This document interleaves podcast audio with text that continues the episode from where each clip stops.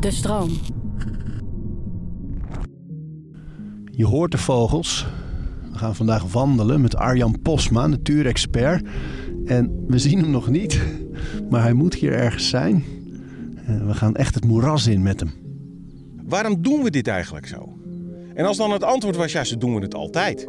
Dan was het tijd om daar eens wat aan te doen, om het heel, om helemaal anders te doen. Want je verliest het doel uit het oog.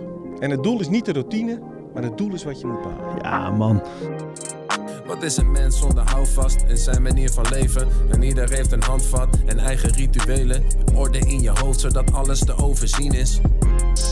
We praten over routines. Jongens, als je nu naar rechts kijkt, dan kijk je naar een hert. Als we gewoon blijven praten en dan kun je hem recht in zijn, in zijn gezicht kijken.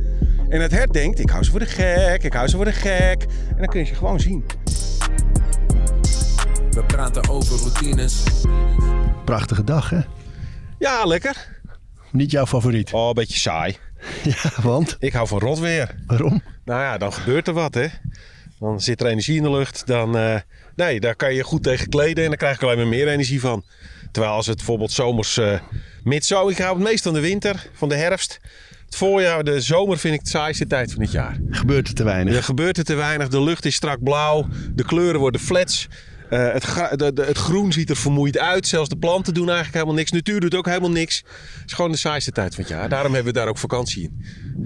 Waar de mensen naar uitleven, denk jij nu is even klaar. Ja, oh nee, ik ben altijd blij als het weer voorbij is. Ja. Waar zijn we? Uh, we zijn hier in uh, de westelijke eilandspolder. En dat, uh, dat ligt tussen Purmerend en Alkmaar in. En dat is een klassiek veenweidegebied van het landschap Noord-Holland. Zoals het heet. Dus een oud hoogveenmoeras. Zo was heel midden Noord-Holland. Dat was een oud hoogveenmoeras. Dat lag uh, zo'n 1200 jaar geleden lag het 6 meter hoger. Heel midden Noord-Holland lag 4 meter boven zeeniveau. Um, toen rond het jaar 1000 zijn we langzaam die natte spons van Hoogveen ingetrokken. En toen gingen mensen daar slootjes graven. Ze woonden eigenlijk alleen langs de strandwallen, langs wat riviertjes. Hiernaast ligt de Schermer, daar liep het riviertje de Schermera. Daar had je wat rivierduintjes, daar woonden wat mensen. Op de strandwallen woonden mensen. En rond het jaar 1000 was er een kleine bevolkingsexplosie. En toen trokken mensen die kleddernatte spons in. Nou ja, wat doen Nederlanders als het ergens te nat is? Dan gaan ze slootjes graven. Ze groeven slootjes zodat het water uit die spons liep naar het riviertje. Maar ja, daar kwam er zuurstof bij het oude veen, met de oude plantenresten. Want dat werd doordat het in het water zat, verteerde het niet. Maar nu zakt het water weg, komt er zuurstof bij. Het vergast als, als gas de lucht in. En het zakt zo naar beneden. En na een tijdje moest er dan een nieuwe Noord-Zuidsloot gegraven worden. En dan gingen ze weer opnieuw van die slagen maken. Uh, het dorp Groot Schermen, wat verderop ligt, dat is uh, wel drie keer verplaatst in zijn leven. Omdat het iedere keer te laag stond. En dan ging je met z'n allen bij elkaar zitten. En dan ging je met elkaar uh, overleggen. Van moet er nog ergens een kerk? Waar moet de brug komen? Wie wil naast Vieze Klaas wonen? Weet je wel, dat soort dingen. Uh, dus eigenlijk inspraak, eigenwijzigheid en dat soort dingen. En alles oppakken, dat zit hier al, al duizenden jaren in de volksraad. En daarom ben jij hier gaan wonen? Nou, ik kom uit de Zaanstreek. Dat is ook precies datzelfde moeras. En hetzelfde type mens? Ja, ja, ja. Moerasmensen zijn, uh, zijn wel apart, ja. Ze lijken vaak relaxed, maar ze zijn in werkelijkheid zo fel als blik. Ja. Zaankanters ook. Amsterdammers hebben er wel eens moeite mee, maar uh, Zaankanters zijn zo fel als wat. Dat, dat, ja, in het moeras verandert alles altijd. Uh, dus je moet altijd klaarstaan om daar op te reageren. En, en hoe? Even, even helemaal naar het begin hè, bij jou. Van, ja. ik vroeg me zo af, een beetje in je verdiepte. Um, is dat altijd zo geweest bij jou? Dat je zo uh, die drang naar die natuur hebt gehad als kind al? Ja, zeker. Uh, ik ben derde generatie wensboswachter. Dus mijn opa wilde het altijd al worden. De spoeling was dun, die kwam bij de politie. Mijn vader wilde het altijd al worden. De spoeling bleef dun. Dus die kwam bij de gemeente terecht. En mij is na heel lang proberen is het uiteindelijk gelukt. En ja, toen zat ik eigenlijk op die droombaan. En toen begon het werk langzaam te veranderen. Dus eh, er zijn maar heel weinig boswachters per gebied. Je hebt bizarre hoeveelheden hectares. Ik had 15 polders onder mijn hoede, waaronder deze. Um, en dan had je dezelfde gevaarlijke gebieden. Ten eerste overbemesting, krijg je last van.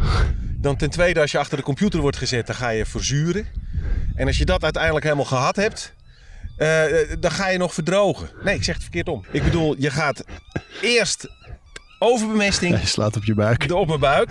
Dan ga je verdrogen, achter, achter de computer en je moet binnen zitten. En als je dan gefrustreerd raakt, ga je verzuren. Verzuren. Nou, dat wilde ik niet. Dus toen ben ik heel eigenwijs mijn vrouw erover gehad. En toen ben ik voor mezelf begonnen. En eh nou geef ik excursie aan heel Nederland. Dus eigenlijk, dan, want dan ben je officieel boswachter. Maar dan zit je dus veel te veel binnen. Daar komt het op neer. Nee, dus zo werkt dat. Hè. Ieder, het is werk, hè. Als het alleen maar een leuk buitenspelen was, dan eh, zou je er geen geld voor krijgen. Het is wel het beeld dat we ervan hebben allemaal. Ja, ja, zo zijn er heel veel gekke beelden wat je, wat je hebt van mensen. Hè. Maar het is werk, anders zou niemand er toch voor betalen. Oh, is dat zo? Ja. En dan voor jezelf? Nou ja, ik geef nou, een boswachter is een heel gek beroep. Een boswachter is misschien wel acht be- beroepen in één. Wat eigenlijk in het buitenland niet bestaat. Er zijn het allemaal verschillende beroepen. Dus je, hebt, eh, je bent een, een, eh, eh, een bioloog. Je bent een loonwerker. Je bent een politieman. Je bent een voorlichter. Je bent een rentmeester, want ik had 56 pachters. Je- bent een vrijwilligersbegeleider. Je moet overleggen met gemeentes, met dat soort dingen. Je moet subsidies aanvragen. Kortom, dat zijn allemaal verschillende beroepen bij elkaar. En tegenwoordig geef ik excursie aan heel Nederland. Dus ik hou me vooral met die taak bezig. Dus ik geef lezingen, ik schrijf boeken. Eh, eh, ik mag op televisie dingen komen, eh, uitleggen. Ik doe veel op de radio. Nou ja, dat soort zaken. Ja, je Nou, bent een ik verhalenverteller ook. Dat is Ik het ben zo mooi. eraan. verhalenverteller, ja, dat klopt. En nou, in deze podcast hebben we het vaak over de rituelen van een dag. Hè? Ja. Zullen we die van jou eens doorlopen? Hoe vroeg begin je? Dat hangt er vanaf. Dat kan ergens tussen 11 uur zijn en dat kan 6 uur ochtends zijn. Waar hangt dat vanaf? van wat ik daarvoor gedaan heb. Het is iedere dag anders. Dus daar, eh, daar zit best wel veel variatie in, moet ik, eh, moet ik eerlijk zeggen. Eh, dus nee, nee, ik heb niet echt een vaste tijd waarop ik altijd wakker word. Mijn vrouw wel. En de ene keer ga ik lekker met de eruit en de andere keer niet. Ik heb natuurlijk ook heel vaak werk wat s'avonds laat is.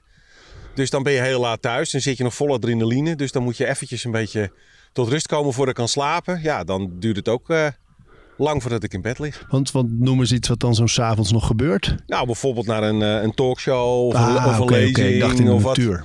De, nou ja, dit is allemaal mijn werk. Kijk, ik loop heel graag buiten.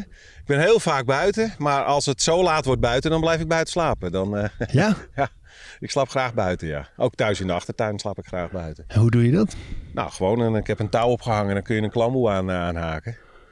Nou, dan zet je een stretcher neer en ga je buiten slapen. Geen tent verder? Geen... Nee, juist niet. Nee, je moet juist die bewegende lucht om je heen hebben. Dat, eh, dat kunnen heel veel mensen niet goed tegen, maar dan moet je aan wennen.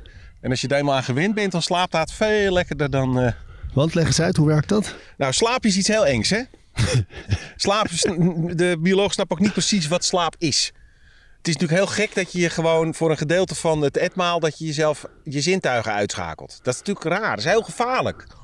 Toch doen we het allemaal. En als we naar alle organismen kijken, hoe klein dan ook...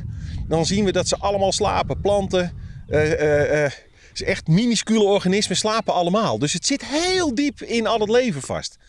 Dus wat is slapen nou eigenlijk? Nou, dus als je gaat slapen, dan zoeken wij een plek waar we, hè, waar wij als mens in een, in een plek zitten waar je stille lucht om je heen hebt. Dus als die lucht niet beweegt, dan weet je dat het allemaal rustig is en ben je veilig en dan kun je slapen. Ja, evolutionair veilig. Ja, maar als je nou buiten gaat liggen, dan beweegt de lucht om je heen. En in het begin, als je dat voor de eerste keer doet, dan slaap je onrustig.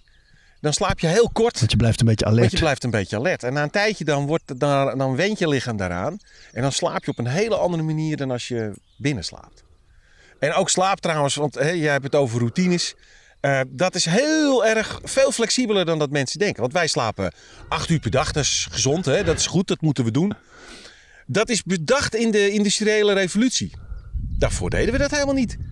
Eh, er zijn nou historici die zijn het aan het onderzoeken. En die hebben het over het fenomeen van je eerste en je tweede slaap. Dus mensen gingen gewoon naar bed als het donker werd. Ja. Want dan was je moe. Dag- Dan ging-. En dan ging je naar bed. En dan werd je na een uur of vier, vijf werd je wakker. Midden in de nacht. Uur of één. En dan gingen ze eruit. En dan één, twee uur bleven ze wakker. En dan gingen ze weer naar bed. En dat was de sociale tijd die ze hadden. In die tijd ging je even bij de buren op bezoek. Eh, je, je ging eh, eh, wat lezen of wat maken of wat knutselen. Je, je ging gezellig met je, met je man of je vrouw nog eventjes... waar je overdag geen tijd voor had. Dat deed je met je eerste en je tweede slaapje. Maar dat was niet zo efficiënt voor de, voor de fabrieken. Dus die hebben toen een vaste slaaptijd erin gezet. En daar hebben we allemaal... En misschien hebben we daar wel meer last van dan we denken. Goeie, interessant hè? En jij met die slaap, van, dan heb je dus een klamboe hangen. En wat bedoel je met bewegende lucht? Nou, kijk, als we hier staan, dan voel je dat de lucht beweegt, toch? Ja, een beetje wind. Een beetje wind. Nou, als je binnen in je slaapkamer ligt, dan beweegt de lucht niet. Ah, En als de lucht niet beweegt, dan is het veilig. Dan heb je dus heel weinig prikkels wat je binnenkrijgt. Dus we gaan expres heel prikkelarm slapen. Maar misschien is dat wel zo, omdat wij die acht uur slapen erin willen krijgen. En dat we daar echt wel heel erg ons voor moeten concentreren om die acht uur vol te krijgen. maar en jij thuis, van, dan, dan, dan kies je eigenlijk van was ik s'avonds nog in het werk in de natuur. Ja, of, Dan- of op een lezing of wat dan ook. Hè. Dan, dan kom je ook wel eens uit Limburg of uit Groningen. Of, eh, dus natuurlijk vaak s'avonds. Dus voor je dat je dan thuis bent, eh, dan is het laat. Maar dan, ook dan ga je liefst buiten slapen. Nou, als het warm is, zomers of op andere momenten. Dus niet altijd. Maar eh, dat, dat, dat vind ik leuk. Gewoon. ehm, soms ga ik ook wel eens op een andere plek eh, buiten slapen. Ja, dat vind ik leuk. Oh, ook in de winter. We lopen ondertussen een soort heuvel op. Ja. Zo, Hey, hier heb je mooi uitzicht. uitzicht over de Eilandspolder. Hè? En ja, dit is een weidevogelgebied. Je hoort er ook genoeg. Grutto's. Het is nu een beetje meer op de dag. Dan is het altijd een beetje siesta. Wat, wat, wat, wat hoor jij nou allemaal? Ik hoor daar een mees. Ik hoor daar een tureluur. Ik hoor daar eenden. Krakke eendjes. Nou, kortom, het is, het is een, een ge- heel, heel gedoe aan vogels. Ehm, het wordt hier alleen nog maar drukker. Eh, straks in mei dan hebben alle, zijn alle jongen uit van de weidevogels. De meeste zitten nu op de eieren. Dus al hooguit eh, een van de tweeën vliegt maar in de ronde. Straks vliegen alle ouders in de ronde en de jongen lopen er ook. Dus dan wordt het hier eh, hartstikke druk. Gezellig. Ja. Ja, ik vind het mooi. Ik vind het mooi. Het is plat. Het is nat. En daar hou ik van. Ja, maar wat is nou de romantiek hiervan? Hè? Want inderdaad, als je, wij reden er net doorheen op weg naar jou. En dan noem je het allebei mooi. Nou, we zien nou, ik denk dat de meeste mensen wel zien dat het hier wat ouderwets is. Ja, Eh, Nederlanders hebben altijd een, eh, een, een, een, een misvatting over het woord efficiënt. En dat betekent gewoon zo snel mogelijk. Of zo groot mogelijk. Of zoveel mogelijk. Maar dat is niet echt efficiënt. Dat is misschien eerder hebberig. En als we door het Nederlandse platteland heen rijden, dan zien we dat er eigenlijk al het leven langzaam uit weggepoetst wordt. Eh, er staat alleen nog maar eiwitrijk gras. Er staat alleen nog maar een suikerbiet. Eh, het aantal vogels dat er kan leven is vrijwel niks meer. Het enige wat er nog echt goed zich kan handhaven op veel plekken zijn de ganzen. En die moeten nou ook allemaal dood. Dus ja, dan rijden we door het platteland heen. En dat het alleen groen is, is niet genoeg. We merken vanzelf, ook mensen die er geen verstand van hebben, dat er eigenlijk niet zoveel van over is. En dat de mens er eigenlijk ook langzamer uit weggepoetst wordt. De boer heeft een steeds groter bedrijf. De trekker rijdt vaak al als een robot door het land heen. De boer zit achter de computer. Heeft hetzelfde gevaar als waar ik als boswachter last van had. overbemesting. Overbemesting, verdroging, Verdrogen, verzuring. verzuren. Ja, en dan kom je hier en dan zie je hier nog een ouderwets systeem. Wat natuurlijk ook een boerensysteem is, maar het is ouderwetser. En daar zien we dat er ruimte is voor allerlei leven wat daar rondloopt. En als er ruimte is voor meer leven, dan is er ook ruimte voor ons. Heb je het gevoel dat dit verdwijnt? Ja, op veel plekken wel. Vandaar dat er reservaten zijn om dat eh, in stand te houden. Eh, vandaar dat we nu in een stikstofcrisis zitten. Omdat, daar- omdat heel veel van dit soort terreinen eh, onder druk staan. Omdat we daar eigenlijk... we, we- ten eerste moet natuur geld opbrengen. Eh, we moeten er honderdduizend bestemmingen op hebben. Hè, want je moet er en recreëren en dit en dat en zus en zo. En dat zijn allemaal compromissen. Waar de natuur uiteindelijk wel onder te lijden heeft. Nou, als de natuur heel robuust is. En we hebben heel veel grote gebieden. Waar, dan kan er heel veel. Maar heel veel plekken zijn natuurlijk eh, zwak en zijn eigenlijk een beetje ziek. Dus eh, heel veel natuur in Nederland is een soort couveuse kindje geworden. En dat komt omdat we in Nederland gek zijn op natuur die uitsterft. En wat, wa- wanneer noem je natuurziek? Nou, dat het dus als het, eh, als het zichzelf met, met heel veel moeite nog maar in stand kan houden. Dus ja, want wij vinden het als een dier of een plant achter een hekje zit uit te sterven, dan vinden we dat geweldig. Dan willen we daar een t-shirt voor dragen, een actie voor voeren, een tatoeage voor nemen, willen we allemaal doen. Maar zodra dat beest achter het hek vandaan komt en hij redt zichzelf weer, dan willen we meteen snoeien. Hè? Zijn er niet te veel? Dus we hebben nu 5000 dassen. Lopen mensen dassen af te maken. Er zijn mensen die klagen over de zeehondjes in de Waddenzee. Eh, er zijn steeds minder meeuwen, maar we hebben steeds meer overlast. En dat is het ergste wat een dier in Nederland kan doen. Dus overlast veroorzaken. En dan moet erin gesnoeid, dan moet het dood. Dus ja, daar, staat wel, daar zit wel druk op. Maar we zien nu dat de, de, de, de wal het schip aan het keren is. Er moet echt wat gebeuren. Dus ik ben heel benieuwd hoe het er over eh, tien jaar uitziet. Want ik denk dat Ja. Nederland er dan heel anders uitziet. En je bedoelt wel het schip een keer dat mensen eindelijk wakker worden dat het de verkeerde kant op gaat. Nou ja, er zijn gewoon Aflopende grote zaak. afspraken gemaakt. En eh, Nederland heeft zich ook aan allerlei eh, regels eh, gecommitteerd. En dat is hoog tijd dat, daar, ja, dat er ook eens wat terugkomt. We kunnen altijd heel goed het vingertje zo naar de wereld wijzen. Maar nou staat het vingertje bij ons. Ja, werk aan de winkel. Ja, we zijn het, vis, we zijn het smerigste jongetje van de klas.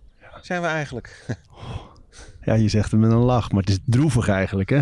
Nou ja, ik weet het al heel lang. Het is voor mij geen verrassing. En eh, er is evengoed ook al een boel verbeterd hoor. Ja, Eh, in de jaren 70, toen waren de grote rivieren, dat waren, eh, dat waren gifgoten. Daar zat geen leven meer in.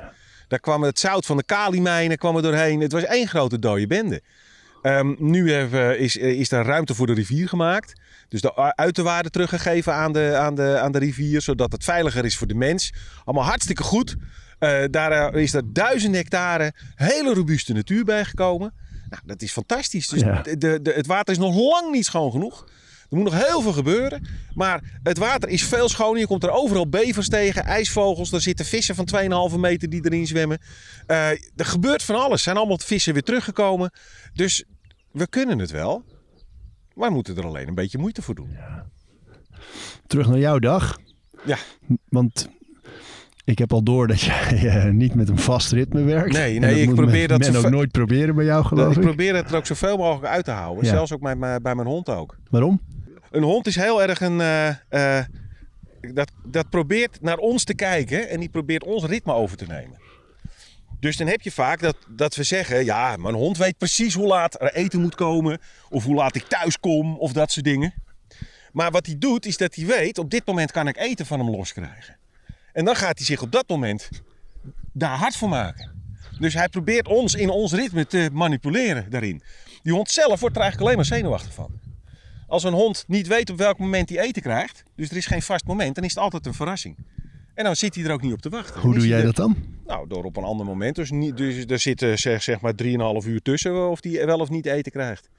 Het is hetzelfde met uitgaan. Als je altijd hetzelfde rondje loopt. Stel, een heleboel honden die komen eh, naar buiten. Die lopen altijd hetzelfde rondje om te poepen en te plassen. Ja.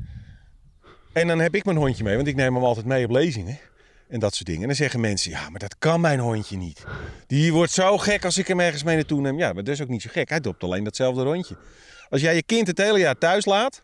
Hij mag één dag in dit jaar mag hij mee. En dat is naar de Efteling. Dan heb jij een stuiterbal. Er is geen land mee te bezeilen. Als je datzelfde kind vijf dagen in het Efteling Hotel zit. Dan is het op dag vijf ook ben even naar de Python. Dan ben je blasé. Dat is bij honden ook zo. Want die moeten iedere dag nieuwe dingen meemaken. Dus ik geloof heilig dat de kracht van de natuur, dat is verandering. Alles moet iedere dag veranderen om hetzelfde te blijven. Fantastisch. En dat doe je dus bewust dan. Dus dan ga je ook elke keer andere routes lopen met een hond op andere tijden. Dat probeer ik, dat lukt ook niet altijd. Er zijn natuurlijk ook voor. We, we, we, we- glijden toch altijd ook in, in routines, omdat Ja, dingen ja, opgelegd worden vast, door de, door de maatschappij. Op zo laat gaat iedereen op. Op zo laat is het druk. Nu is het weekend. En daar moet je toch een beetje mee. Je kan er wel tegenin gaan lopen. Maar zo werkt het natuurlijk ook weer niet. Dat is het, eh, dan is het meer een soort verbijten. Ja, ja. Deze aflevering wordt je aangeboden door Squarespace. Dat is een alles-in-één platform waarmee je heel makkelijk zelf je website kunt bouwen. Of je nou producten of diensten wil verkopen of bijvoorbeeld kunst wil delen met de rest van de wereld. Ik noem even kort drie functies van het platform. Het bevat een ontwerpsysteem waarmee je zelf je website kan vormgeven. Je kan abonnementen verkopen voor een deel van je site. Dan kun je bijvoorbeeld speciale content aanbieden aan leden. En Squarespace analyseert hoe je platform presteert en wat er voor nodig is om je bedrijf online verder te laten groeien. Wil je het uitproberen? Start dan je gratis proefperiode via squarespace.com/overroutines. En ben je klaar om je website echt te lanceren? Gebruik dan de code OVERROUTINES. Dan krijg je 10% korting op je eerste aankoop van een website of domein. Voortdurend geluid, hè? Voortdurend. En overal is leven. Kijk, al het leven staat op de schouders van al het andere leven. Dus als jij een systeem wil hebben dat rijk is, dan moet daar zoveel mogelijk leven in zitten. En dan maakt het eigenlijk niet zoveel uit wat voor leven dat allemaal is. Maar ja, wat het ook is, een routine. Eh, eh, een, routine kan eh, handig zijn. Maar een routine is ook wel eens wat gemakzuchtig. Hè? Ja. Want een routine betekent dat je niet meer hoeft na te denken. Dat je geen beslissing hoeft te nemen. Ja, op de automatische keer- piloot. heb je één keer gedaan en nou blijven we altijd dit doen. Maar de wereld verandert iedere dag. En als jij iedere dag dezelfde beslissing uitvoert zonder daar opnieuw over na te denken, dan heb je kans dat het de verkeerde beslissing wordt. Dus als de wereld altijd verandert, dan moet je iedere dag eigenlijk ook bedenken: kan ik datzelfde doel ook op een andere manier behalen? Heeft het nog zin? Heeft, het Heeft nog het nog nut? zin? Ja. Nou, ik heb een leuk voorbeeld over. Ehm, hier in de polder dan staan er vaak eh rietorgissen. Dat zijn paarse orchideeën. En die staan in eh drassige rietkragen vlakbij het grasland. En dat vindt, het zijn eigenlijk twee orchideeën, de gladde en de gevlekte orgis. Maar in de volksmond heette dat de rietorgis. En als we daar ergens zo'n rietkraag van hadden, wat deden we dan? Dan gingen we daar naartoe. Dan gingen we eerst een slootje graven. Want anders dan gingen de koeien door die rietkraag stampen en dan maakten ze die orchideeën stuk. En daarna gingen wij maaien. Dus in september, dan maai je de rietkraag. Dat voer je af. En zo blijft dat schraal, die, die, die grond. En in die schrale grond doet die orchidee het beter. En ieder jaar komt die orchidee omhoog. Wij heel trots. Na tien jaar, orchideeën weg. Hoe kan dat nou? Heeft die boer wat gedaan? Zijn ze geroofd? Is, het water veranderd? Wij in paniek. En dan kwam je gelukkig drie landjes verderop een rietkraag tegen. Die stond vol met orchideeën. Dus wij er naartoe. Snel een slootje graven en dan gingen wij weer aan het beheren. Maar dat was een routine waar een foutje in zat. Want die orchidee, dat is een bolletje, net als een sneeuwklokje. Dus ieder jaar komt daar opnieuw dat orchideetje uit. Alleen een sneeuwklokje maakt onder de grond nieuwe bolletjes aan. En zo blijven er steeds meer sneeuwklokjes komen. Dat doet een orchidee niet. Alleen dat bolletje kan uitlopen. Tien keer. Daarna is hij uitgeput en dan gaat hij dood. In die tien jaar moet hij zichzelf door middel van zijn zaad vermeerderd hebben. Ah, Daarom was het verderop. Maar dat zaad, op de plek waar wij aan het, aan het maaien waren, was die wortelzoot veel te dik geworden. Dus daar kwam dat zaad niet meer, die kon niet op tegen al die wortels die er zaten. Dus die orchidee kon daar niet meer uitzaaien. En waarom we- wel drie rietkragen verderop? Omdat er nog geen slootje zat. Want daar loopt soms een koe die rietkraag in en die scheurt die wortelzoot open als hij er doorheen zakt met zijn voeten, met zijn poten. En dat zijn precies de plekken waar die orchidee op kon voortplanten. Dus in onze drang tot bescherming haalden we de dynamiek weg uit die rietkraag. En de dynamiek wat erin zat was precies waar die orchidee op afkwam. Ja, het is eigenlijk het voorbeeld ook dat een routine moet niet maar gedaan worden omdat het een, Omdat nou eenmaal een routine is. De routine wordt vaak belangrijker dan het doel. Goeie. Het gaat om het doel wat je wil bereiken. En eigenlijk moet je iedere keer zeggen. Wij gingen deden dat dus ook bij het werk. Ook naar aanleiding van deze les die we geleerd hadden. Want er waren heel veel seizoensklussen die we deden. En dan gingen we bij elkaar zitten en dan zeiden we: Oké jongens, waarom doen we dit eigenlijk zo?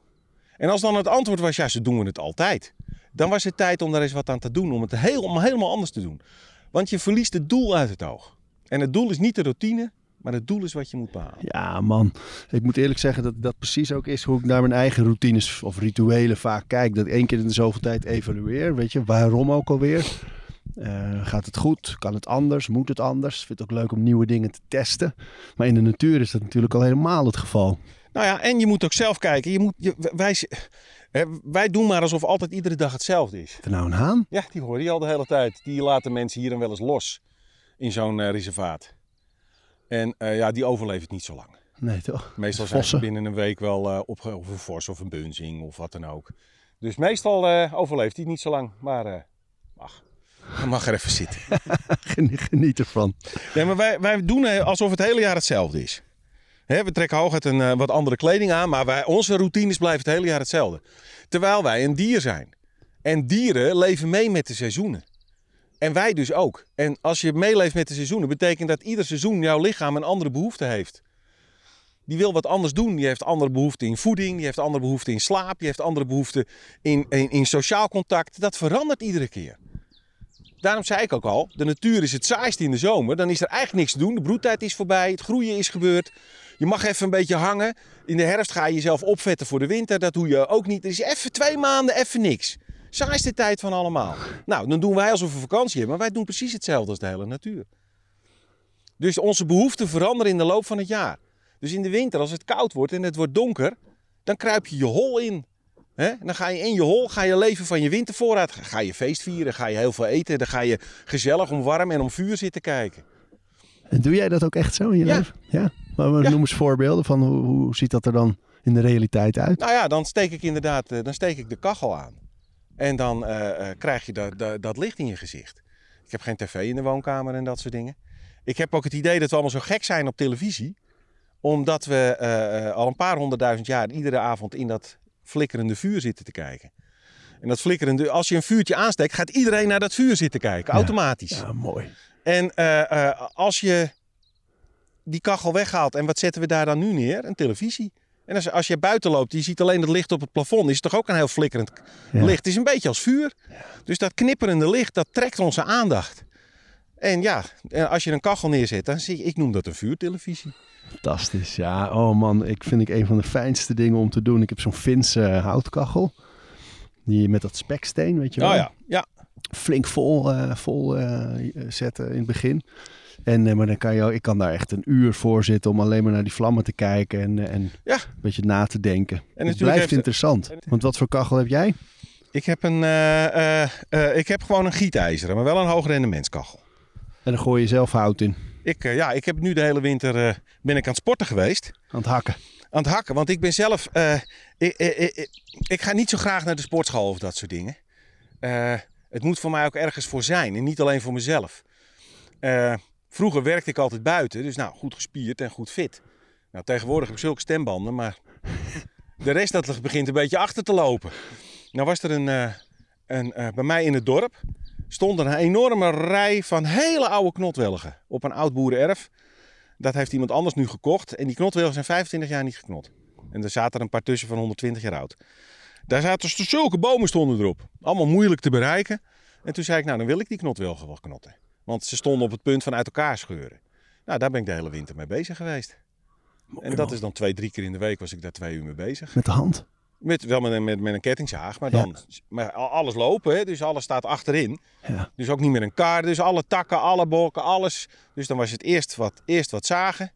Dan eh, alles eraf hakken. Dan het in blokken zagen. Dan die blokken naar de auto dragen. De takken naar de takkenhoop. En dan het brandhout weer naar huis. En dan, nou, en dan was het één rondje. Dat was dus, dan was het heel gevarieerd. Iedere keer weer een ander soort oefening. Van, van klimmen tot Ja, maar dat is krachttraining. het Ja. allermooiste, jongen. Die functionaliteit en beweging. Maar wat, en, eh, en wat zou het nou zijn dat dat zoveel voldoening geeft ook, hè? Eh, nou ja, kijk, ons lichaam is gemaakt om te, om te bewegen.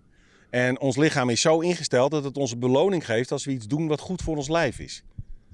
Dus als je verliefd wordt, het is heel belangrijk dat je je gaat voortplanten. Of dat je een partner zoekt, want dan is de wereld veiliger. Dus als jij verliefd wordt, dat is een beloning van blijf maar bij die. Want dan krijg je een heel fijn gevoel. Als je eh, gezond eet, heb je vaak een, als je een gewoon gezond maaltijdje, dan heb je vaak een ander gevoel in je maag dan als je fastfood hebt gegeten. Dan krijg je een ander soort beloning van. Ja. Dus ja, daar krijg je dus ook van dit soort sporten, eh, van dit soort dingen, daar krijg je, eh, je lichaam voelt zich daarna eh, tevreden. Eh, en mijn geest voelt zich tevreden omdat ik die oude knotwilg aan het redden ben. Ken je dat boek van eh, Lars Meeting, De Man in het Hout? Nee, oh ja, die, ja, ja, die Echt ken ik iets wel. voor je. Zo ja, die mooi. ken ik wel, ja. Nou ja, wat ik vooral wel grappig vond, was de eeuwige discussie over hoe je het op moet stapelen in Noorwegen. Ja, maar dat, daar gaat dus essays lang in dat boek gaat het over alle technieken waarop je inderdaad dat hout kunt stapelen. Hoe, hoe stapel jij? Eh, nou ja, het zoveel als ik kwijt kan. Dus ik heb een houthok en ik heb nog een paar plekken waar ik het voordroog. En da- dus het gaat eerst achter, achter het houthok, het gaat achter de heg. En eh, daarna gaat het in het houthok. En dan... eh, En voordrogen is het, moet het op de wind staan, maar wel droog. Nou, in ieder geval zo dat, het, eh, dat er meer vocht uitgaat. En het hangt ook heel erg van het houtsoort wat je hebt af. Hè? Sommige soorten zijn heel, ha- bijvoorbeeld harde houtsoorten als, als eiken. Ja, dat moet je minimaal twee jaar laten liggen. Want anders dan zit het te zuur. Dat is niet goed voor je kachel. Ehm, maar bijvoorbeeld een, een boom als een populier, dat hout is heel zacht. Maar die haarvaten van het hout blijven altijd openstaan. Dus als je dat gewoon buiten ligt en het wordt nat, dan gaat het weer vocht opnemen. Maar een willig, als die willig eenmaal gedroogd is, dan trekken die haarvaten trekken dicht. En dan neemt het hout eigenlijk geen vocht meer op. Dus iedere keer gaat er wel wat, wat vocht uit. Maar als het gaat regenen, komt er bijna geen vocht in. Nou, en dan droog ik het af in mijn houthok. En daar eh, plemp je hem gewoon vol. Of heb je ook zo'n techniek? Want ik bijvoorbeeld de hoeken van een houtstapel. Dat, dat vereist wel een beetje techniek, toch? Eh, ja, dat hangt er vanaf. In een houthok kun je het meestal wel opstapelen tussen twee, Tussen eh, wanden tussen twee wanden. Eh, anders dan moet je aan de rand eerst een vierkant maken. Hè? Een vierkant opstapelen Ja. als een pilaar. Dat kan je doen. Je kan er een touw omheen spannen. Dat mag namelijk iedereen lekker zelf verzinnen. Het is namelijk geen hartchirurgie, het is gewoon hout opstapelen. Dus daar mag iedereen iets slims voor bedenken en dat idee hebben alsof dat veel beter is dan wie dat ook doet. Ik heb vroeger ook bijen gehouden. Als je op een bijenbijeenkomst kwam, dan had iedere imker had zijn eigen geheime methodes hoe ze bepaalde dingen aanpakten. Ja, gewoon zo eigenwijs als dikke stron noem ik dat zelf. Dat ben ik zelf ook. Past heel goed bij me. Maar het is ook een beetje elke subcultuur eigen natuurlijk. Dat je dan een soort etiketten hebt en gedragscodes. Tuurlijk. Loopt het dood of moeten Ja, we... je loopt dood. Ik laat even, dit is echt een, eh, een, een moerasbosje. Hè? Dus op de meeste plekken halen we, het, eh, is het, eh, halen we het zoveel mogelijk kaal voor de weidevogels. Maar op dit plekje waren allemaal eh, eh, eh, eh, kleine tuinertjes. Dus dit was altijd al een beetje begroeid geweest. We hebben hier die vijver gegraven. De grond daaruit is de bult waar we net op stonden. En hier heb je dus een plekje, want dat weideland is allemaal heel kwetsbaar. Mogen mensen niet op. Je mag wel varen, je mag op het weggetje lopen, maar je mag nergens op het land komen. Hier mag je wel gewoon lopen. Hier mag je bramen plukken. Als je dan hier met een paar kinderen een klein eh, verjaardagsfeestje wil doen, dan kan dat hier. Dus zo bied je hier wat ruimte en daardoor blijft de rest van het reservaat blijft stillen. Vertel eens over de wolf. Nou ja, dat is, is fijn dat hij er weer is. dat is geweldig. En ja, er zijn schapenhouders die zijn daar niet zo bij mee. Maar ja, het is maar de vraag wat je belangrijker vindt. Eh, hè? Dus ik ben, ik, ja, ach, Nederland is niet echt een schapenland. Hier in het westen lopen ook overal schapen, maar het is best ingewikkeld. Je moet heel veel eh, pillen, dat soort dingen om ze gezond te houden. Nou lopen er 300.000 schapen in Nederland. Nou, dat zijn er eh, best een stapel. Zijn er vorig jaar 200 van, van gebeten door een wolf. Dat is nog best veel eigenlijk. Vind je? Als Nou, je, niet op 300.000, maar als je is- weet dat er eh, tussen de 5 en de 10.000 schapen per jaar worden doodgebeten door honden.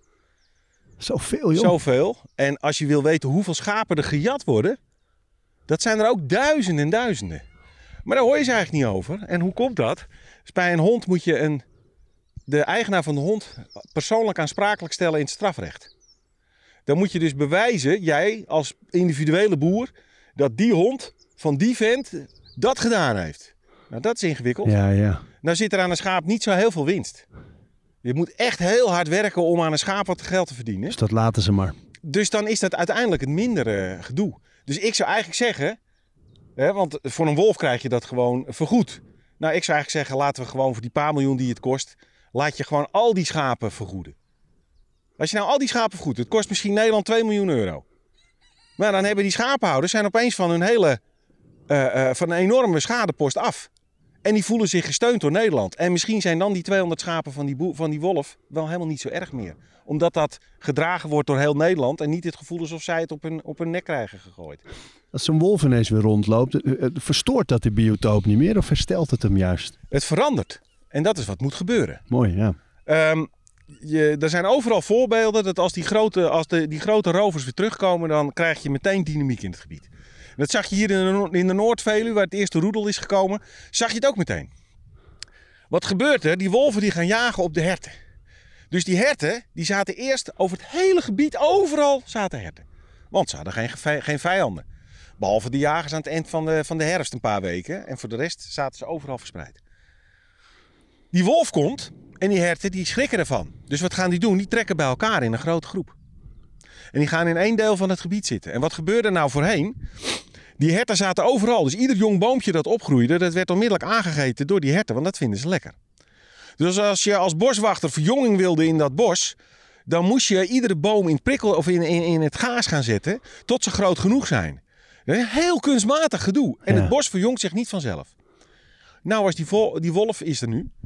Die herten zitten nu daar in het gebied. Alleen daar. Daar zijn ze de boel aan het kaalgrazen. Maar hier wordt nou niks begraasd. En hier beginnen jonge bomen op te groeien. Die zijn binnen eh, 1, 2 jaar zijn ze groot genoeg en kunnen ze er tegen. Tegen die tijd, op een gegeven moment gaat de wolf daar ook jagen. En wordt het daar minder veilig. En dan verspreiden ze zich en dan gaan ze daar zitten. En na een tijdje gaan ze daar zitten. En je krijgt dus veel meer variatie in het bos. En het systeem van het bos gaat zichzelf in stand houden. Dus je bent er zelf als mens minder nodig. Nou, en dat is wat je uiteindelijk wil als boswachter. Mooi man, gaat dat doorzetten? Want ik heb het gevoel dat het nu... Hoeveel wolven zijn er nu weer? Nou, dat hangt er vanaf. Er, worden er, er, zijn, er is een heel netwerk van camera's door Nederland heen. Dus daar worden ze veel gezien. Eh, er zijn nou drie plekken waar ze eh, redelijk permanent zitten. is in Friesland, in Drenthe, op de Veluwe. En eh, ja, dat is volledig afhankelijk van de hoeveelheid natuurlijk voedsel dat er is. Ehm, die, die wolven die lopen het meest. Ja, we gaan we lopen wel terug. We gaan wel deze kant op. Ja. Is het te drassig daar? Dan wordt het te drassig. Het wordt verderop nog erger, ja. We zitten echt in het moeras. Ja. Onder de takken door af en toe. Maar mo- mooi, ik kan me voorstellen dat je hart sneller gaat kloppen op het moment dat je zoiets hoort. Dat er dan weer. Ja, En niet alleen dat er eentje gezien wordt aan de grens, maar dat ze echt hier weer leven. Ze leven hier gewoon. En je ziet het ook dat zodra die wolf op de Veluwe zit, daar eet hij vooral eh, reeën, jonge everzwijnen en dat soort dingen. Nou ja, als je ziet wat er afgelopen jaar aan afschot is geweest, dan is daar wild genoeg. Ja, want anders schieten ze dat overschot gewoon af, Want toch? anders dan krijgen ze daar overlast van. En dan wordt het er te veel.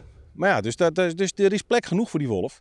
Moet het alleen op een goede manier regelen hoe dat dan eh, moet als er, eens- als er eens een keertje schade van komt. Dat volgen van die sporen, hè? de- is dat ook iets wat jij doet? Dat, eh, dat je kijkt naar wat heeft hier Ik gelopen? kijk naar en- sporen, maar ik volg ze niet. Maar jij ziet wel... Maar ik zie ze wel. En dat vind ik leuk, want dat is een verhaal wat, zich, wat, er, wat er gebeurt. Daar kun je alles aan aflezen. Maar een spoor volgen, dat is jagen. Hè? En als jij eh, door de natuur loopt, dan ben, eh, zijn we doodeng. Ik vertel wel eens aan kinderen, eh, eh, vertel ik graag hoe je het makkelijkst herten kan zien in de Nederlandse natuur. Want dan ga je naar de natuur en dan heb je je vader mee en, of, of je oom of weet ik wat allemaal niet. En dan ga je daar lopen en dan zeggen ze, jongens, we gaan herten kijken. We gaan heel stilletjes door het bos heen lopen. Nou, ten eerste, wij kunnen helemaal niet stil door het bos heen lopen. We lopen zo'n stelletje olifanten lopen er doorheen. We stinken een uur in de wind. We lopen over het pad waar altijd mensen lopen. De, weet je wel. Dus dat, die beesten weten donders goed hoe dat zit.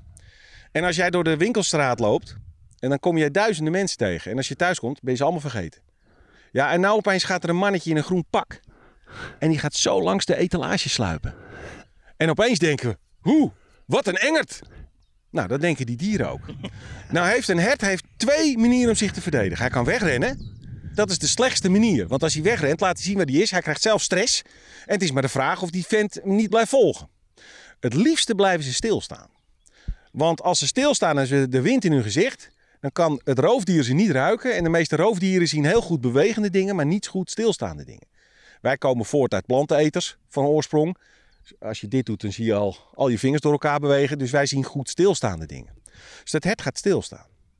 Maar ja, jij loopt dan met je vader. En wat doet je vader? Die zegt, oh kijk, daar staat een hert. Dus dat hert die denkt, ah shit, ze hebben me gezien. En die rent weg. Hetzelfde op die, winkel, op die winkelstraat. Dat mannetje slu- sluipt al langs die etalages. En opeens staat hij stil en hij doet opeens... Oh! Nou, jij denkt ook, ik ga even weg. Doodenge vent. En het beste is dat je gewoon loopt op dat pad. Want daar lopen altijd mensen, zijn die dieren gewend. Die bewegen daaromheen. De meeste mensen zien ook niks. Dus je loopt op het pad en je gaat gewoon lekker hard op praten. En dat hert die hoort je en die denkt, nou, ik heb geen zin om te rennen voor die sukkels. Ik wacht hier, ik ga hier lekker stilstaan.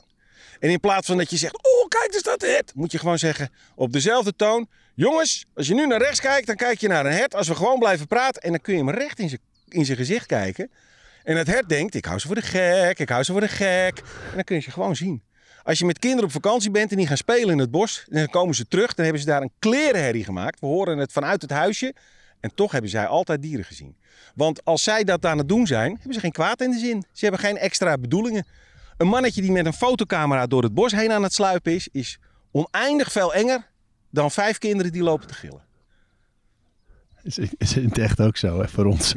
Ja, zeker. Hey, en ik ehm, zit steeds te denken eh, over eten. Hè? Daar was ik zo benieuwd naar. Ik dacht, als we naar je toe gaan, wil ik je dat ook vragen. Ja? Of jouw manier van leven zou echt in de natuur en over de natuur. Of dat je de manier waarop je eet ook beïnvloedt. Ehm, ja en nee. Kijk, ik ben heel erg geïnteresseerd in de natuur. Maar ik probeer niet te veel te eten uit de natuur. Dat is een, een romantisch idee.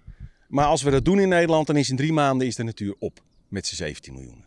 Dus dat is een beetje jammer. Dus dat doe ik liever niet te vaak. Eh, er is ook een enorme wildgroei in wildplukken is er ontstaan. En dat levert grote problemen op. Want we worden hebberig. Ja? Dus mensen, bijvoorbeeld daslook, daslook. Nou, dat is een zeldzame Steense plant die alleen op landgoederen staat. Als iemand een blaadje meeneemt, niet erg. Maar wat doen mensen? Mensen plukken hele boodschappentassen vol voor de buurtbarbecue. 90% van al dat spul verdwijnt in de kliko. Want tegen de tijd dat het thuis is, is het beurs of is het niet meer helemaal goed. En de buurman die wil het toch niet hebben. Je legt het nog een dag in de koelkast, daarna gaat het in de kliko. Paddenstoelen nog veel erger. Als je die niet in een mandje hebt, waar het goed luchtig is, dan zien ze er niet meer uit als je thuis komt in een plastic zak. Het gaat allemaal weg. Zonde. Ja. Wat ik zeg is, als je dat nou graag zou willen, wat ik dus wel doe, eh, dan moet je een klein kookstelletje meenemen. En dan moet je het proeven op de plek waar je het gevonden hebt. Ten eerste is het dan een veel leukere ervaring. Ehm, en omdat je alleen maar een klein beetje eet, ga je niet een enorme pan met drie liter soep maken of wat dan ook. Nee, je bakt vier paddenstoeltjes op en die doe je op een stukje brood. En dan eet jij warme gebakken paddenstoeltjes op je Oh, brood ter plekke. Terwijl je een heel klein brandertje meeneemt. Nou, dan maak je er iets veel leukers van, iets veel meers van. En dan ben je dus niet uit het oogsten uit de natuur, maar dan ben je aan het proeven uit de natuur. Ja, fantastisch. En dat, is, dat vind ik een veel mooiere ervaring. Eh, daarom eet ik gewoon, eh, ja, ik haal ook mijn eten uit de supermarkt. Ik koop wel eh, het liefst het bij een biologische supermarkt, daar probeer ik wel op te letten. Maar voor de rest ga ik daar ook, ja, ik ben ook een onderdeel van de samenleving. En het idee dat je alles uit de natuur kan halen, dat, daar zijn we in Nederland te druk voor. Dat kunnen we niet met z'n allen, dat moeten we gewoon niet doen. En, en laat je je daarin wel een beetje in, het, in het ritme van, van de rest dwingen? Met, met drie maaltijden gewoon op een dag? Nee, nee, nee, nee, nee, nee, nee. Ik mag graag ontbijten, maar ik sla ook regelmatig wat over. Dus daar probeer ik ook, eh, probeer ik ook de routine wel een beetje uit te houden. Eh, en eh, voor de rest heb ik qua eten wel dat ik denk, wij zijn als... me- ik, ik, ik vind mezelf een alleseter. Dus ik eet eigenlijk alles. Daar is ons lichaam ook op, op, op ingesteld, zal ik maar zeggen. Ik eet ook regelmatig vegetarisch of ook veganistisch, maar ik eet ook wel, ik eet ook wel vlees. Matig, maar dat doe ik ook. Maar ik vind dat ik alles kan eten. Dus een paar jaar geleden is er een eh, groot onderzoek geweest. En daar was een groot eh, eh, programma op de BBC over. En dat heette The Truth About Food. Het was een hele serie testen en experimenten die ze hadden gedaan. En ehm, daar kwam iets gek uit. Want ze hadden dus van 150 landen hadden ze gekeken... welk land heeft nou het gezondste menu? Nou, als je nou naar de top 15 kijkt, die zaten allemaal heel dicht bij elkaar. Daar had je bijvoorbeeld Ethiopië. Die eten eigenlijk alleen maar granen. Maar je had ook de Eskimo's en die aten alleen maar blubber en vet. Ja. En je had ook de, de Fransen erbij zitten en die aten heel veel ganzen en eendenvet. En je had ook de Nederlanders erbij zitten, want die aten heel veel groenten. En de winnaars was dan, eh, de, de, de beste was IJsland, maar dat kwam ook neer op heel gevarieerd. Wat je zag is dat al die diëten waren allemaal heel gezond.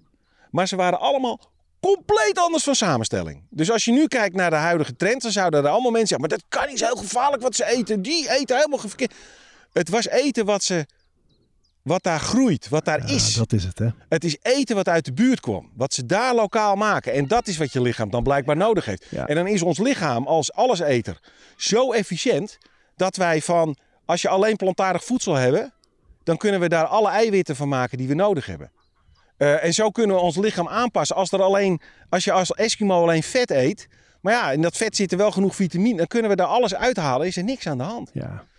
Dus het heeft misschien meer te maken met bewerkt voedsel, met voedsel uit de fabriek of voedsel wat je van ver weg haalt, dan in principe wat je nou precies eet.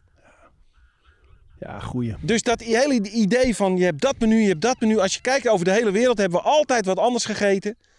En eh, toch is iedereen uiteindelijk eh, Ja. gezond. ja, maar dat is mooi, want dat, dat heeft er ook mee te maken dat je eigenlijk je verdiept in... Ik zou, eh, daarom, ik ja, zou even even vier die kant lopen, jongen. Dat, Zo. Ja, het is wel echt moeras, hè? Maar inderdaad, dat je gewoon kijkt, waar kom ik vandaan? Wat is hier? Wat, wat groeit hier? Met de seizoenen mee eten. Veel Ja. lokale producten. En zo min mogelijk bewerkt. Nou ja, dat, hoe, hoe makkelijker het is dat je het kan zien wat het is, dan hoe duidelijker dat is. Nou, is hier nog wel iets grappigs. Dit bosje, je ziet dat dit heel laag is, hè? Ja. En dat is prettig voor de weidevogels. Maar dat doet, dat doet het landschap zelf niet. Dat doet, dat, dat doet de, de terreinbeheerder niet. Dit doet de natuur zelf. Zo goed- laag houden? Ja, Hoe dan? nou dat, komt, dat wordt hier gedaan door nachtvlinders. Even daar kijken. Er zit hier eh, heel veel eh, eh, nachtvlinders. En vooral de nachtvlinders van de, van de wilgehoutvlinder. Zo'n grote lompe nachtvlinder die, bijna, die wel 8 centimeter breed wordt. Zo'n groot bruin ding. En eh, die wilgehoudrups, dus de rups van die vlinder, die, daar, zit- daar zitten er een paar in. Gaan we even het moeras door. Hé, hey, een kikkertje, kijk. Ja. Nee, het is een padje. padje. Een padje. Het is een padje. Een gewone pad. Hier zitten ook heel veel rugstreeppadden en gewone padden door elkaar. Grappig, hé, mooi beestje. Zal ik hem terugzetten? Ja hoor, zet hem lekker terug. Nou kijk, als je hier kijkt naar deze wilg. Als je hier kijkt naar deze wilg, dan zie je hier allemaal van die gaten in zitten. Ja. Zie je dat? Ja, een opengesleten Nou, dit is gewoon wilg. opengescheurd, maar hier zie je in het hout zie je allemaal grote gaten zitten. Ja, Waar mijn vinger in kan. Dit zijn gaten van de wilgenhoutrups. Die zit vier jaar lang in die boomstam en die eet hout. Hij heeft een enorm kakement. Het is een grote rozige rups. Eh, ze ruiken heel sterk. Een beetje een bokkenlucht, zeggen ze wel eens. Eh, die ga ik gebruiken. nou ja, als een bok gesprongen heeft, dan gaat hij heel sterk ruiken. Dus dat noemen ze een bokkenlucht. Bokkenlucht. En eh, een beetje zuurig. En eh, die wilgehoutrups die leeft maar als hij eenmaal verpopt is na vier jaar. Dan leeft hij maar een maand. Hij, kan niet, hij heeft geen mond, hij heeft, kan niks meer eten. Hij leeft alleen maar op zijn reserve als hij in die boom zit. Maar als die boom dus flink doorgeknaagd wordt en het gaat stormen, dan breken ze af. Dus die bomen worden eigenlijk niet hoger dan dit. Want voor die tijd hebben die wilgehoutrups het zo doorgeknaagd dat die wilgen alweer omflikkeren.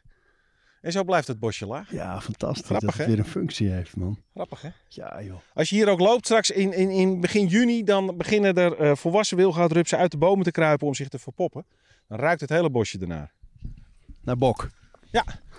Nou kijk, hier zie je ze trouwens ook zitten. Zo, hier zitten er veel in, hè? Veel Zie gaten. Al die En gaten. deze is ook al gebroken. En die is al gebroken ook. Maar je ziet, hij loopt eruit ook. Hij is nog niet dood. Nee, inderdaad. Het groeit gewoon lekker verder. Dus het is een soort wapenwedloop tussen die twee. Wat mooi, man. Ik vind nog best veel mensen ook eh, rondlopen zo. Nou, het is hier eh, een bekende plek vanwege... Je hebt hier en de vogelhut en daar staat een plasdras. Hiernaast zit vaak een roerdomp en nu zit er weer een, riekra, een, eh, een bruine kiekendief in te broeden. Dus Ja. die zie je vaak vliegen. Toen we aankwamen had je het over de rietgors. De rietgors, die hoor je daar weer zitten. Die zit er ook. Een, eh, rietvogeltje. Dus er zitten hier heel veel vogels in. Als je daarna... eh, hier kun je een rondje lopen, krijg je bosvogeltjes, zangvogeltjes. Je hebt mooi uitzicht uit eh, vanaf de, de bult. Dus dit is een heerlijke plek waar je rustig op jezelf kan lopen. Waar het lekker stil is. En eh, als je hier het paadje afloopt, dan kun je vanaf de bruggen kun je ook mooi het land in kijken. En kun je heel goed de jonge weidevogels zien. En aan het eind is ook nog een plasdras waar je ook nog eh, op kan kijken. Dus er zijn hier heel veel plekken waar je op binnen een kilometer heb je heel veel verschillende manieren om te vogelen. Ja. Dus je kan hier ook heel veel vogels zien. Die populariteit van vogelen is ongekend, hè? Nou ja, mensen willen lekker naar buiten. En vogels zijn natuurlijk hartstikke stoer. Dus die laten zich heel makkelijk zien. Dat is makkelijk. Want als jij mu- muizen wil spotten, dan is het wel heel wat ingewikkelder. Maar met vogels loop je met een verrekijker. En je, want die vogels denken, oh, als ik drie meter afstand, dat is er genoeg. zijn een beetje arrogant vogels. Dus die, die geloven er wel in. Dus daarom laten ze zich mooi zien. Ja, het is denk ik ook in die COVID-jaren, dat mensen inderdaad naar buiten en dan willen ze toch iets te doen hebben. Nou, het is al jaren aan het groeien. Ja, Al jarenlang. Ja, er komt steeds meer belangstelling voor. Eh, het, het begint ook langzamerhand. Er komen meer vrouwen die gaan vogelen, zoals die mevrouw. ja. En dat is eh hoog tijd. Ja, want? Het was ook wel een, een tijdje lang een mannenhobby hoor. Dat als je dan bij zo'n groep kwam en dan stonden ze allemaal met die grote telescopen. En dan was het, oh, ik heb gisteren de eerste grutsers gezien. Oh, ik had er vorige week al acht. Oh, en dan ja, is het toch een mannenhobby hè? Toch een beetje elkaar de, de, de maat nemen. Dus het is hoog tijd dat er ook wat vrouwen gaan vogelen. Alles op een hele, hele low-key eh, gezellige manier hoor. Er is nooit... eh, er is nooit... er is geen geruzie of wat dan ook. Maar het, is, het is goed dat er wat meer vrouwen gaan kijken. Maar het is, een, het is steeds populairder aan het worden. Er zijn steeds meer plekken waar je het ook goed kan doen. Er worden steeds meer hutten gebouwd. Eh, de spullen zijn goed bereikbaar. Ja, en eh, Nederland is een zeldzaam land qua hoeveelheid vogels die hier zitten. Overal waar je in Nederland bent, altijd zijn er vogels in de buurt. Overal. Als je naar het buitenland gaat, dan moet je altijd naar een gebied toe waar de vogels zijn. In Nederland zijn ze overal. Overal, ja, mooi hè. hey, en de boeken die je maakt, hè? Ja. Ik heb sterk het gevoel dat je ook wel echt een missie hebt. Is, Ja. is, zeg ik het goed? Mag Ja, ik dat zo klopt. zeggen? Ja, mijn missie is eh, zorgen voor begint bij houden van. Dat is mijn motto eigenlijk. Dus als je wilt dat mensen... Zorgen voor begint bij houden van. Dus als je wilt dat de mensen voor de natuur zorgen, dan moeten ze daar eerst verliefd op worden. En dat is mijn missie. Ik moet mensen verliefd maken op de natuur. Het probleem is dat heel veel natuurorganisaties, heel veel natuurfilms, die luiden altijd met de Armageddon bel. The end is nigh. En dat verlamt heel erg. Ja. En dat, dat is als, ik was net op tijd om het laatste te filmen. En nou ja, dat is niet goed. Hè? Pessimisme verlamt. Kijken mensen liever weg, hè? Juist. Dus mensen zijn slim genoeg om te zien waar het fout gaat. Dus ik moet ze rijp maken, zodat ze zich dan zelf gaan hard maken om ergens wat te gaan doen. Ja, het is een mooie invalshoek. Ja, dat je inderdaad, als je er echt om geeft, dan ga je wel uh, erover nadenken hoe we hem behandelen. Tuurlijk. Ja. Geen reclame maken we hier, hoor, want dan krijgen we helemaal veel uh, autoverkeer. Hey, en uh, voordat we begonnen met wandelen en, en, opnemen, had je het over, over dat, dat vierde boek, was het volgens mij? Ja, mijn vierde, die, uh, mijn laatste boek, ja. parallellen trekt tussen mensen en dieren. Ja, ja het, het, het ligt nu, het ligt nu net in Duitsland in de winkel. Dus ze hebben het vertaald. Daar ben ik wel erg verguld mee. En uh, nou, het, het, het heet Hoe één gekke mier de wereld kan veranderen. En het staat vol met dat soort verhalen. Maar dat vind ik altijd wel een mooi... Zal ik het even vertellen? Ja, ja, ja. ja. Nou, als wij kijken naar de. Als wij kijken in de wereld. Ten eerste wil ik zeggen dat wij als mens zeggen. Wij vinden ons de meest dominante diersoort. Maar er is meer kilo mier op de wereld dan kilo mens. Dus ik vraag me af of de mieren dat ook vinden. En mieren hebben heel veel dingen die mensen hebben. Ze hebben veeteelt. Ze houden bladluizen, die melken ze. Ze bouwen zelfs stalletjes voor. Uh, ze, houden, ze hebben landbouw. Uh, ze ver, verbouwen schimmels waar ze de knolletjes van krijgen als een soort aardappels. Um, ze hebben wereldoorlogen. Er zijn op dit moment wereldoorlogen met slagvelden van honderden kilometers. Waar miljarden en miljarden mieren van bepaalde stammen tegen elkaar vechten. Dus mieren lijken, ze hebben slavernij, ze hebben dus ze lijken heel erg veel op mensen. Maar er zijn ook een aantal dingen waar ze niet op mensen lijken. En dat is namelijk, uh, uh, we kunnen geen hiërarchisch, dus geen leider vinden in, de, in het mierenvolk. Dat snappen we niet hoe dat precies werkt. Mieren leven namelijk in een wereld van geur. Overal waar ze lopen, ruiken ze waar de andere mieren gelopen hebben. Zoals wij op de bestrating lopen, lopen zij een geur weg. Als je zo'n geurpaadje hebt in je achtertuin en je trekt er een streep over met je vinger, dan breek je die geur weg door midden. En dan ontstaat daar paniek. En daar durven dieren niet, die mieren durven er niet meer overheen. Dus er ontstaat een opstopping. Sommige mieren beginnen te douwen, andere beginnen te vechten met elkaar. Er is een probleem. En dan wachten ze op een mier die zich net iets anders gedraagt. Hij is gewoon dezelfde mier, maar gedraagt zich anders. En ik noem dat een gekke mier. Want wat doet die gekke mier? Die gaat naar plekken waar hij geen mieren ruikt. Die gekke mier komt aangelopen en die heeft geen angst voor dat geurenfijn. Die loopt er overheen. Hij sleept zijn geur erachteraan. De geurenweg is hersteld. En alle mieren kunnen weer aan het werk. Die gekke mier is ook de mier die over de keukentafel naar je suikerpot loopt. En als hij hem gevonden heeft, dan kunnen alle mieren erachteraan om hem leeg te halen. Dus die gekke mier is van levensbelang voor het volk. Als je geen gekke mieren hebt, dan worden er geen suikerpotten gevonden. Heb je echter alleen maar gekke mieren, dan gaat het volk nog sneller kapot. Want dan vindt iedereen suikerpotten, maar niemand gaat hem leeghalen. Dus je hebt een heel klein beetje anarchie nodig om dat volk goed te laten functioneren. En dat werkt ook voor echte verandering. Want als je zo'n nest grote rode bosmieren hebt, in de, de bossen heb je vast wel eens gezien. Ja. Dat is een soort, grutto, is een soort Rotterdam is dat. Daar leven 1 à 2 miljoen mieren in die, in die hoop. En alles gaat vanzelf. Alles gaat als, als, als, als een zonnetje. In het midden zit een broednest. En in dat broednest zitten de koninginnen. En die leggen de eieren. En om dat voor elkaar te krijgen, dat het goed blijft groeien tot die 2 miljoen, wordt de temperatuur in dat broednest op 1 tiende graad nauwkeurig gehouden. En hoe doen ze dat? Doordat dat nest staat een beetje in de zon en een beetje in de schaduw. En zij kunnen zo goed ventileren dat ze daar wat warme lucht, daar wat koele lucht en zo kunnen ze die temperatuur gelijk houden. Dat kunnen wij niet eens met een airco, maar zij kunnen dat zonder machines. Alleen na een aantal jaren groeit de struikel om die, dat nest heen. Op een gegeven moment staat het alleen nog maar in de schaduw. En dan wordt het daar vochtiger en donkerder en dan kunnen ze niet meer die temperatuur gelijk houden. En dan begint het broedresultaat te dalen. En dan begint het volk dus te krimpen. Maar ja, de meeste mieren zijn werkmieren. En die werkmieren hebben een opschrijfboekje, stel ik me zo voor. En daar staat op, je moet aan het werk, je moet naar de supermarkt en op zondag, in het weekend mag je naar het voetballen. En daar zijn ze dik tevreden mee. En zo werken ze zichzelf een slag in de rond. En dan komt die gekke mier aan. En die denkt, ja, dit kunnen we wel zo doen. Die gaat een stukje lopen. En dan komt hij na een tijdje, komt hij opeens op een plekje. En dan zegt hij, verrek, hier moeten we naartoe. Maar hoe kan die ene gekke mier nou die 2 miljoen mieren overtuigen dat zijn manier de beste is? Zijn plekje is het goede plekje. Dat kan hij alleen maar doen door te beginnen.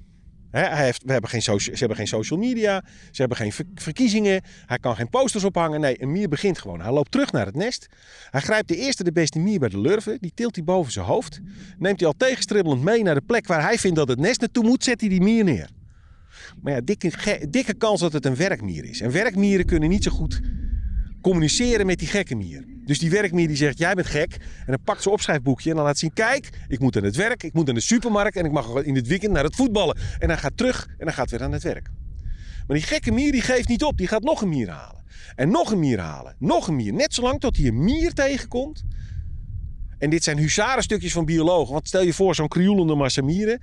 En dan moet jij een mier eruit pikken die zich dus blijkbaar iets anders gedraagt. Nou, dat is echt, echt heel lang kijken. Maar net zolang totdat hij een mier heeft gevonden die zijn idee herkent.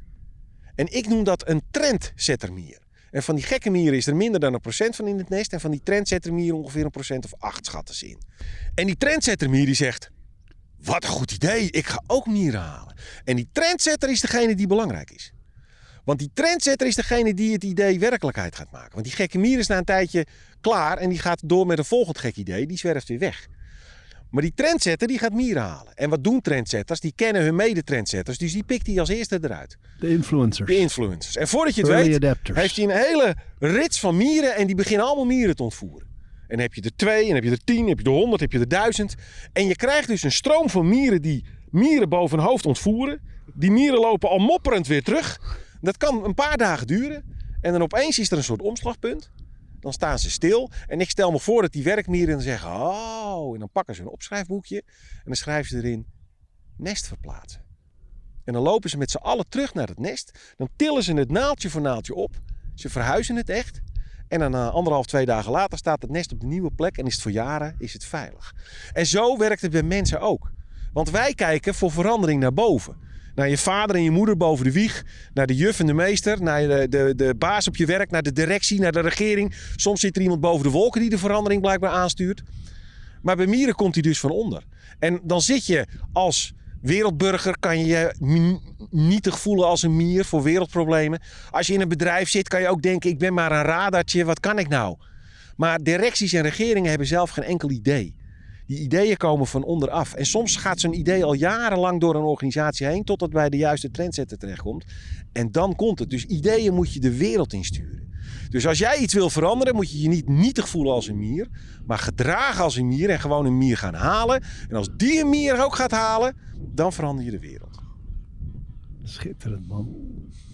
Hey, en waar vinden de mensen informatie over jou, je boeken, je werk? Uh, nou, ik heb, ik heb een website, arjanposma.com. Daar kun je uh, van alles op vinden. Arjan is het, Arjan. hè? Arjanposma.com. Ja, ja. Daar kun je van alles op vinden. Mijn boeken liggen ook in de, in de, in de, in de boekwinkel en dat soort dingen. En uh, ja, als je me nodig hebt, dan uh, weet je me te vinden. De polder in. Ja hoor. Dankjewel. We praten over routines. Dankjewel voor het luisteren. En voordat je weer doorgaat naar andere dingen, wil ik je nog even wijzen op Over Inspiratie. Dat is het mailtje dat ik elke donderdag rondstuur met drie tips. Dingen waar ik zelf veel aan gehad heb. Het kunnen producten zijn, artikelen die ik gevonden heb online, onderzoeken, uh, Instagram-accounts, podcasts, boeken, van alles eigenlijk. En ik denk dat je daar zelf ook veel aan kunt hebben. Dus vind je het leuk om dat mailtje elke week te ontvangen? Dan kun je je opgeven op ariboomsma.nl onderaan de pagina. Dan krijg je voortaan elke donderdag in je mailbox over inspiratie.